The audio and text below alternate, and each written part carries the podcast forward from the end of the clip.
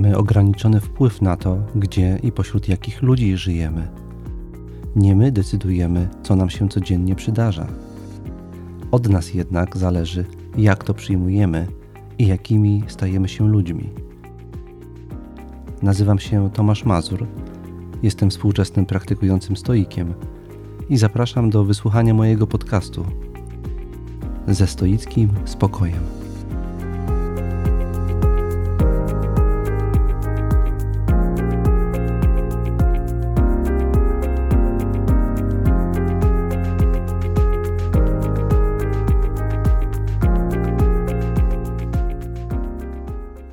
Dobry, witam Cię bardzo serdecznie w pilotażowym odcinku podcastu ze stoickim spokojem. Plan dzisiejszego spotkania składa się z trzech części. W pierwszej części opowiem trochę o sobie, przedstawię się. W drugiej części opowiem o moim pomyśle na ten podcast, jak ja go sobie wyobrażam i czego można się po nim spodziewać. Wreszcie w trzeciej części przejdę już do próbki tego, co w tym podcaście będzie się działo zazwyczaj, mianowicie do omówienia pewnego tajemniczego stoickiego ćwiczenia, które można określić mianem treningu dobrowolnego dyskomfortu. Bardzo serdecznie zapraszam do wysłuchania dzisiejszego odcinka.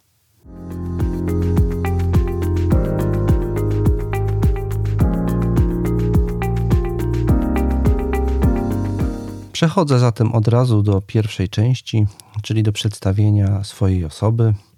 Ja, tak jak już powiedziałem, nazywam się Tomasz Mazur i chyba mógłbym się tutaj przedstawić za pomocą dwóch prostych określeń. Jestem po pierwsze filozofem, a po drugie pr praktykującym stoikiem, współczesnym praktykującym stoikiem. Krótko teraz wyjaśnię te dwa, e, dwa określenia. Co to dla mnie znaczy, że jestem filozofem? Mm, po pierwsze, to znaczy tyle, że odebrałem wykształcenie filozoficzne. Najpierw zdobyłem tytuł magistra filozofii, e, a potem także doktora filozofii.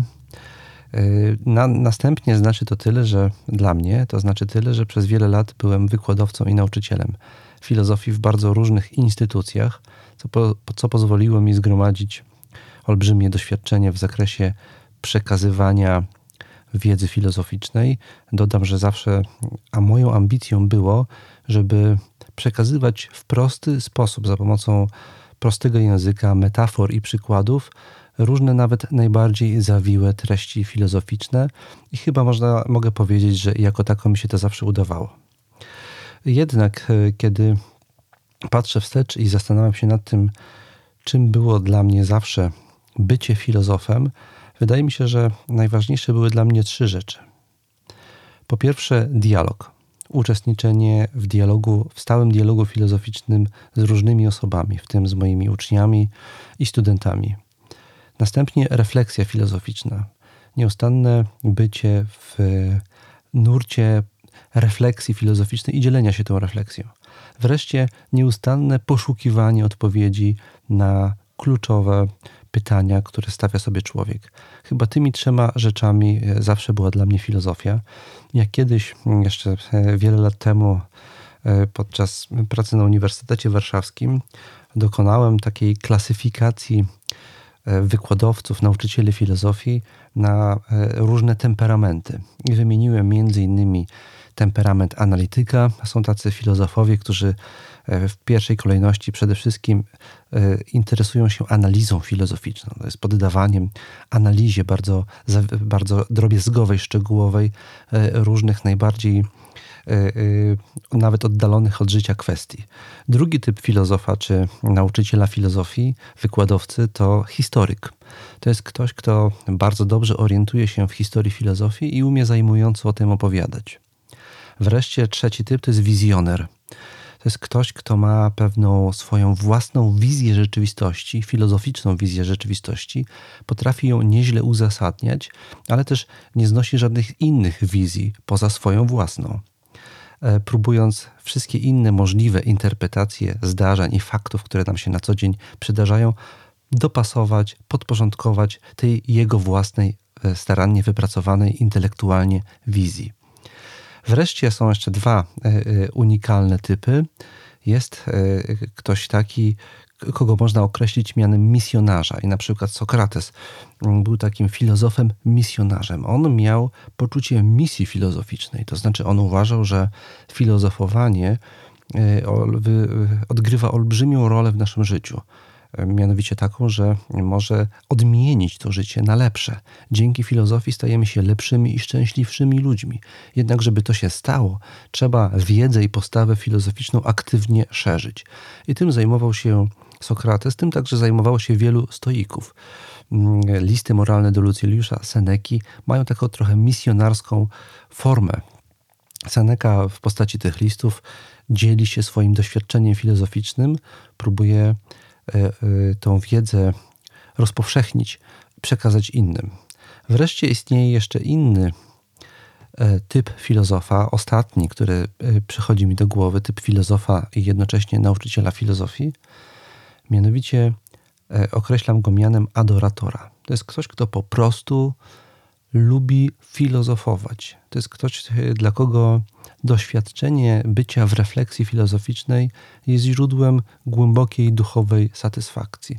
On nie robi to z żadnego konkretnego powodu, nie po to, żeby znaleźć jakieś odpowiedzi, nie po to, żeby odnaleźć szczęście, mm, nie po to, żeby rozwiązać jakieś ważne życiowe problemy, zawiłe kwestie on już będąc w samym akcie filozofowania, odkrywa w tym intensywną radość. I gdybym miał teraz siebie przedstawić i powiedzieć, jakim typem filozofa ja jestem, to wydaje mi się, że y, dawniej byłem przede wszystkim misjonarzem, ale stopniowo zacząłem się stawać także adoratorem. Y, I obecnie jestem gdzieś po środku tych dwóch postaw z jednej strony filozofia, filozofowanie sprawia mi, sprawia mi po prostu satysfakcję, a z drugiej strony chciałbym dzielić się tym, co daje filozofia z innymi ludźmi, przekazywać tą wiedzę, co między innymi tłumaczy powód yy, yy, tego, powstania tego podcastu. To jest wyjaśnienie pierwszej mojej cechy, mojego bycia filozofem. Druga y, moja cecha charakterystyczna to jest to, że jestem współczesnym praktykującym stoikiem, Stoicyzmem zajmuję się mniej więcej od lat 20-25. Początkowo było to zajmowanie się o charakterze bardziej teoretycznym, intelektualnym. Mnie stoicyzm po pierwsze fascynował, zafascynował jako doktryna, jako teoria filozoficzna, jako piękna postawa i tym zajmowałem się w sposób bardziej naukowy, akademicki. Następnie jednak stopniowo, częściowo na skutek różnych życiowych perturbacji, w których się znalazłem, podjąłem przekonanie, że filozofia stoicka mogłaby się stać dla mnie sztuką życia, remedium na różne bolączki, które na co dzień niesie ze sobą życie, moje życie. I faktycznie tak się stało. Mniej więcej 10-11 lat temu postanowiłem zostać stoikiem. To był taki ważny moment w moim życiu. Znalazłem się w życiowych, dość poważnych tarapatach, tak to oceniam. I ten stoicyzm, on mi zasadniczo pomógł. E, on e, pomógł mi poukładać siebie, swoje życie, wyjść na tak zwaną prostą. Zauważyłem, że on ma tą moc dzisiaj, że to nie jest wyłącznie doktryna, którą można badać na uczelni, pisać o niej uczone teksty, ale że ona zachowała swoją moc praktyczną dla współczesnego człowieka i to się sprawdziło w moim życiu. E, postanowiłem zacząć testować także to osobiste doświadczenie przy współpracy z innymi ludźmi zacząłem organizować spotkania, założyłem Centrum Praktyki Stoickiej. Później wraz z przyjacielem Michałem Wiśniewskim stworzyliśmy portal edukacji stoickiej e, zatytułowany Stoic Way. I feedback, informacja zwrotna, jaką dostałem od wszystkich osób, które ze mną w tych różnych stoicko-filozoficznych projektach współpracowały, wyłącznie mnie od, od wielu lat utwierdza w tym, że stoicyzm zachował swoją pełną moc. Praktyka stoicka sprawdza się w życiu współczesnego człowieka.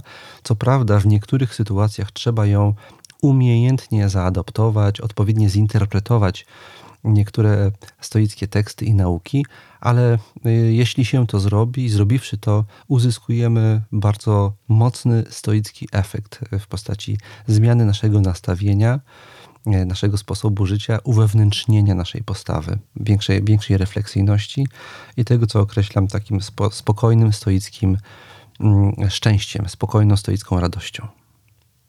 Mam nadzieję, że ten podcast, o, którego, o którym e, za chwilę trochę więcej powiem, będzie pełnił taką funkcję także dla jego słuchaczy.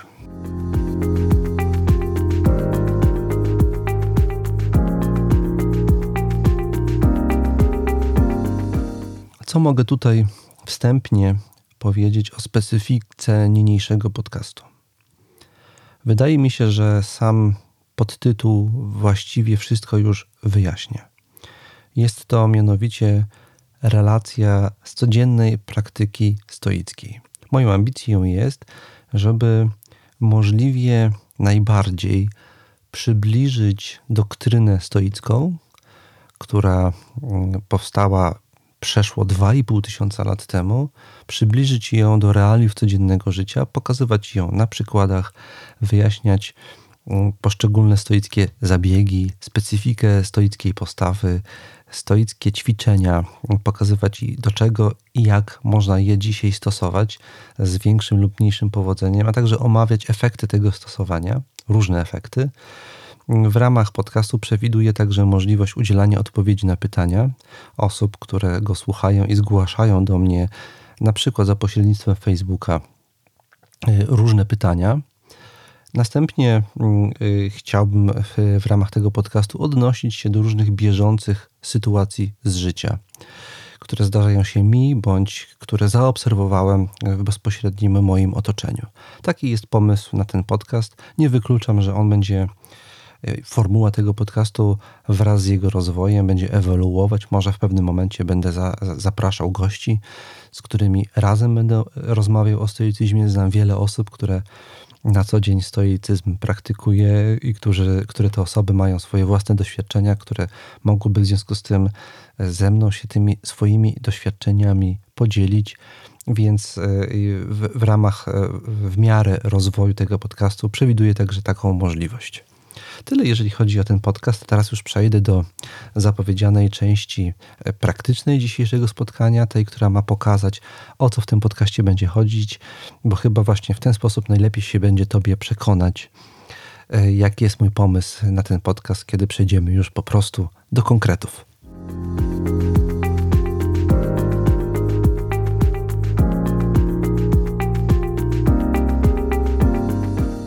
A tym konkretem jest, tak jak już to wcześniej zapowiedziałem, trening, który można określić mianem treningu dobrowolnego dyskomfortu. Nie ja jestem autorem tego sformułowania, nazwy tej praktyki. Ona pochodzi od takiego współczesnego praktykującego brytyjskiego stoika, który się nazywa William Irwin tenże, mm, tenże stoik napisał książkę, jest wykładowcą akademickim na jednej z, z uczelni brytyjskich.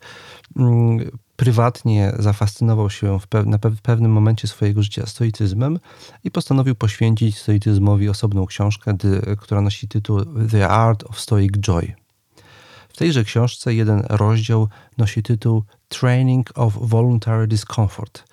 Mm, tak to brzmi po angielsku co możemy na język polski po prostu przetłumaczyć jako trening dobrowolnego dyskomfortu. Autor książki mm, wyjaśnia, że w jego życiu e, on na co dzień praktykuje e, tą metodę.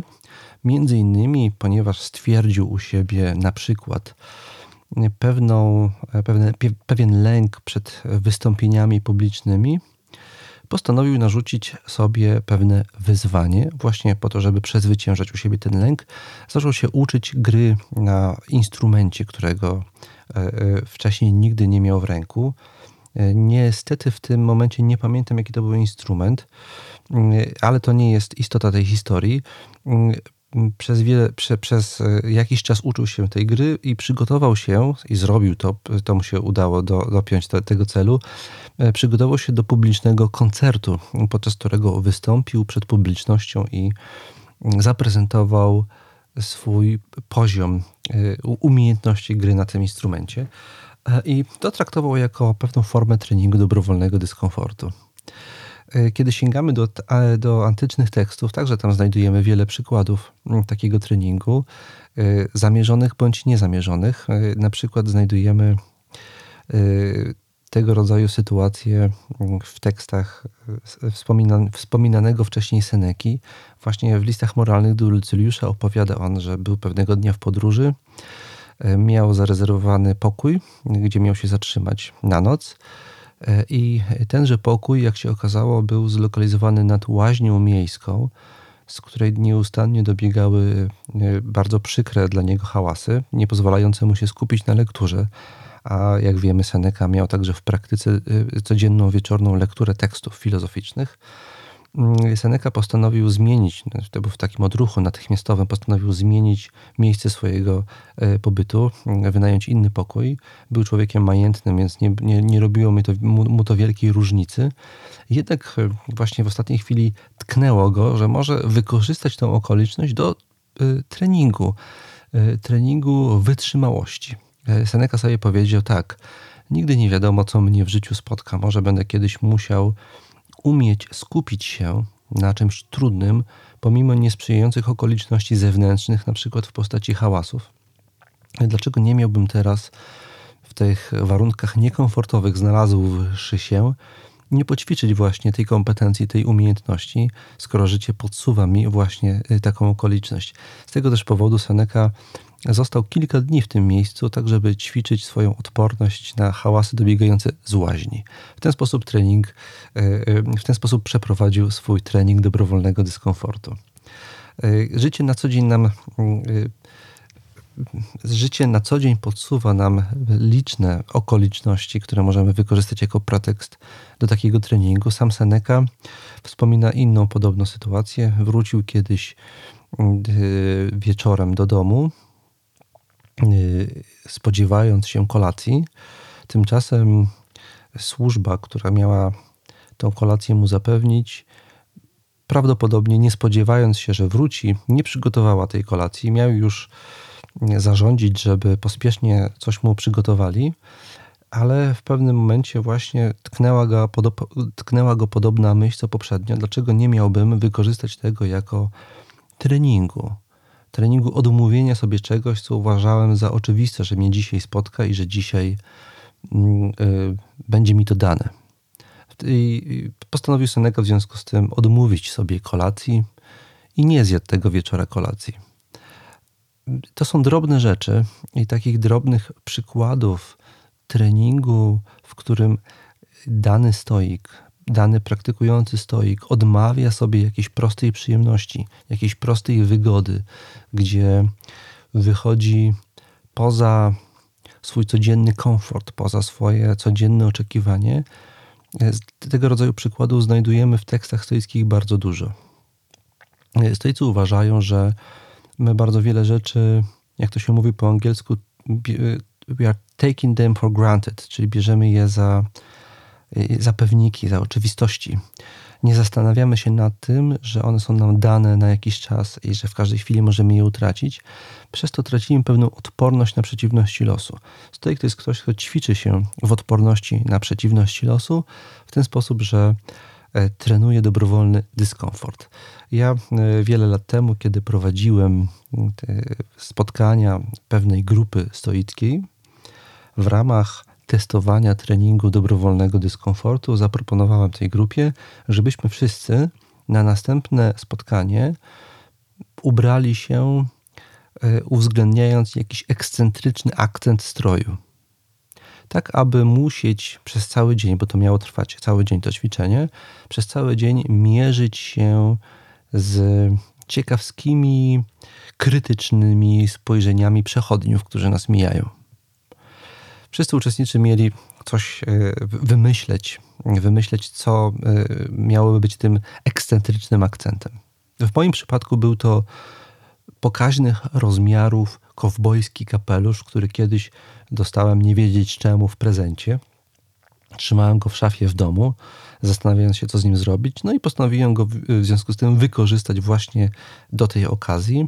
Przez cały ten dzień nosiłem, co jest widokiem w Warszawie niespotykanym, na głowie e, pokaźnych rozmiarów, tak jak powiedziałem, kapelusz kowbojski. To oczywiście wzbudzało dużo zainteresowanie wszystkich mijających mnie tego dnia osób i ja musiałem sobie z tym dyskomfortem radzić. Ja nie lubię i ma większość ludzi nie lubi, kiedy wszyscy się za nimi na ulicy oglądają i to w bardzo wielu przypadkach oglądając się z intencją krytyczną, zgardliwą, prześmiewczą. I z taką intencją się ludzie za mną tego dnia oglądali i ja musiałem sobie z tym poradzić. Wyszedłem poza e, tak zwaną strefę komfortu i to był mój trening. Dzielnie go zniosłem i e, tego rodzaju treningi jako współczesny praktykujący stoik e, stale sobie narzucam. I chciałbym z tego miejsca zarekomendować słuchaczowi, tobie, taki trening. Zastanów się, co jutro, pojutrze mógłbyś zrobić, żeby przetestować siłę swojej woli. Istotą stoicyzmu jest siła woli. My zazwyczaj myślimy o rzeczach, które mamy do zrobienia w kategorii takiej prostej dychotomii. Dzielimy je na rzeczy, które nam się chce zrobić i rzeczy, które nam się nie chce zrobić. Jest dużo takich rzeczy, które musimy zrobić, ale nie chce nam się ich robić. W związku z tym staramy się je szybko wykonać, że tak powiem, odhaczyć z listy codziennych zadań, żeby przejść do tych rzeczy, które chce nam się zrobić, które robią nam, które sprawiają nam przyjemność i satysfakcję. Stoicyzm opiera się, moim zdaniem, w bardzo dużym stopniu na takim przekonaniu, że to, co nam się chce albo nie chce, jest konsekwencją pewnej głębokiej konstrukcji, głębokiej struktury naszej osobowości, na którą to strukturę mamy wpływ właśnie między innymi dzięki treningowi woli. Co jeżeli się okaże, że ja mm, umiem nauczyć się chcieć robić rzeczy, które mi się nie chce robić, a które muszę robić ze względu na różne życiowe wybory. Co jeżeli coś, co sprawia mi udrękę, poprzez zmianę mojego nastawienia i poprzez trening woli, mogę sprawić, że właśnie będzie mi sprawiało satysfakcję. Wszyscy pamiętają słynną historię z Tomkiem Sawyerem, który e, chytrym wybiegiem namówił kolegów do tego, żeby namalowali za niego płot. E, I ci koledzy, e, dla niego malowanie tego płotu było udręką, ale przedstawił im to w ten sposób, że dla nich to przestało być udręką, było czymś głęboko satysfakcjonującym. Rzecz w tym, że życie po prostu jest głęboko satysfakcjonujące, ale my nie widzimy tego, bo dzielimy nieustannie rzeczy na przykre, nieprzykre, te, które chce nam się zrobić, nie chce nam się zrobić, a być może jeżeli naszą wolę poddamy właściwemu treningowi, każdą rzecz będziemy mogli robić z satysfakcją. Mm, tra każdą będziemy traktować jako wyzwanie. Po, po dziś dzień pamiętam, że kiedy byłem e, małym chłopcem i e, chodziłem do szkoły i musiałem przygotowywać się do lekcji, wynajdywałem sobie mnóstwo różnych zabaw, które tak angażowały pracę domową, że robiąc pracę domową jednocześnie przez pryzmat tych wyzwań miałem w, w tym pewną frajdę. I po dziś dzień e, czasami takie sztuczki wykonuję ze sobą, ale właśnie ta sztuczka bardzo dobrze oddaje, wydaje mi się, jeden z cech, jedną z cech czy z powodów praktykowania treningu dobrowolnego dyskomfortu. Chodzi o zmianę naszego nastawienia. Coś, co e, e, coś, co w chwili obecnej sprawia mi dyskomfort, dzięki treningowi i zmianie nastawienia może przestać mi sprawiać dyskomfortu. Nadto e, dzięki temu ćwiczeniu mogę się przygotować na brak jakiejś wygody w życiu. My się do, e, przyzwyczajamy do, tej, do codziennej kawy, do codziennego ciastka, do dostępności mm, ulubionego serialu. Dzisiaj w internecie jest wiele platform, za pomocą których można słuchać, oglądać, wszystkiego, czego zapragniemy słuchać i oglądać. Y, a y, co jeżeli to wszystko nagle z jakiegoś powodu w naszym życiu zniknie? Y, prawdopodobnie wielu z nas będzie wtedy cierpiało, że nie będzie miało dostępu do tych codziennych, drobnych luksusów. Antyczny stoik, współczesny stoik, to jest ktoś, kto umie tak żyć, żeby na żaden taki nagły brak nie reagować frustracją i nieszczęściem, bo umie się do tego zawczasu przygotować. Jedną z form takiego przygotowywania się jest właśnie trening dobrowolnego dyskomfortu. Mm, mam bardzo dużą ochotę obejrzeć ulubiony serial, ale mówię sobie, że dzisiaj go nie obejrzę. Mam ochotę na ulubioną popołudniową kawę z ciastkiem, ale dzisiaj powiadam sobie, że pomimo tej ochoty odmówię sobie tego i postaram się czerpać radość z aktu odmówienia. To jest bardzo unikalna umiejętność, E, i e, e, dzięki zmianie nastawienia może się okazać, że czerpiemy satysfakcję z umiejętności samoprzezwyciężenia. Pamiętam pewną sytuację, kiedy podczas jednego z warsztatów stoickich mieliśmy przerwę na posiłek. Zupełnie przypadkiem sformułowałem sentencję, która potem okazała się hitem całego warsztatu. Mianowicie, kiedy został dodatkowa, e, dodatkowy kawałek ciasta do podzielenia i ktoś zaproponował, żebym ja go zjadł, ten kawałek ja odmówiłem mm, właśnie jako powód, podając, że trenuję E, swoją odporność na tego rodzaju pokusy mm, i powiedziałem wówczas sentencjonalnie: Siła ma, bardziej mi smakuje. Powtórzę to jako pewne podsumowanie dzisiejszego odcinka.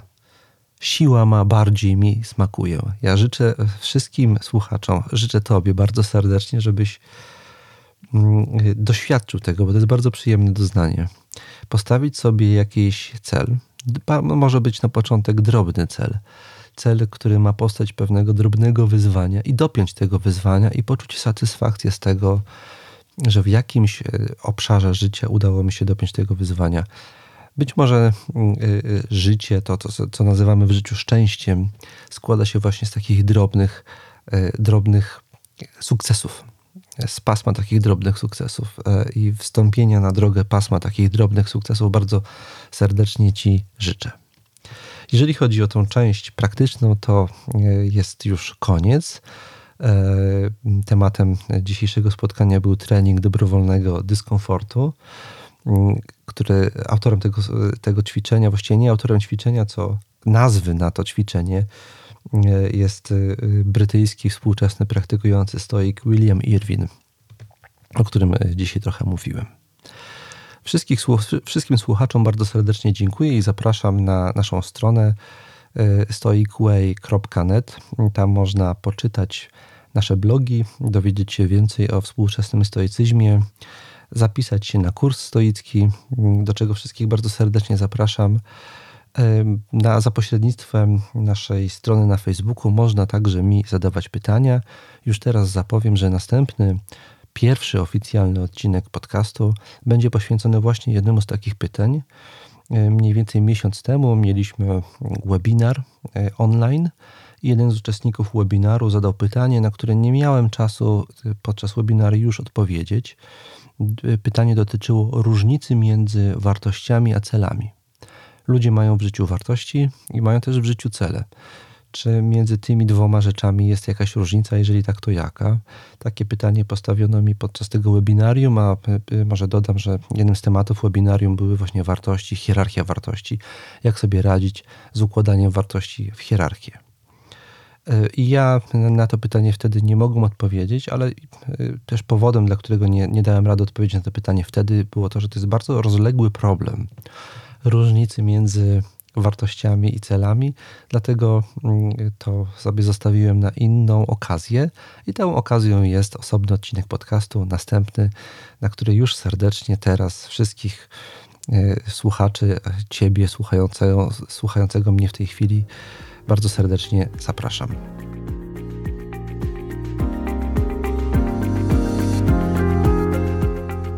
Natura obdarzyła człowieka niezwykłymi możliwościami kształtowania własnej postawy i charakteru. Zamiast cierpieć i złorzeczyć, możemy nauczyć się przyjmować wszystko ze stoickim spokojem i czerpać radość z każdej chwili.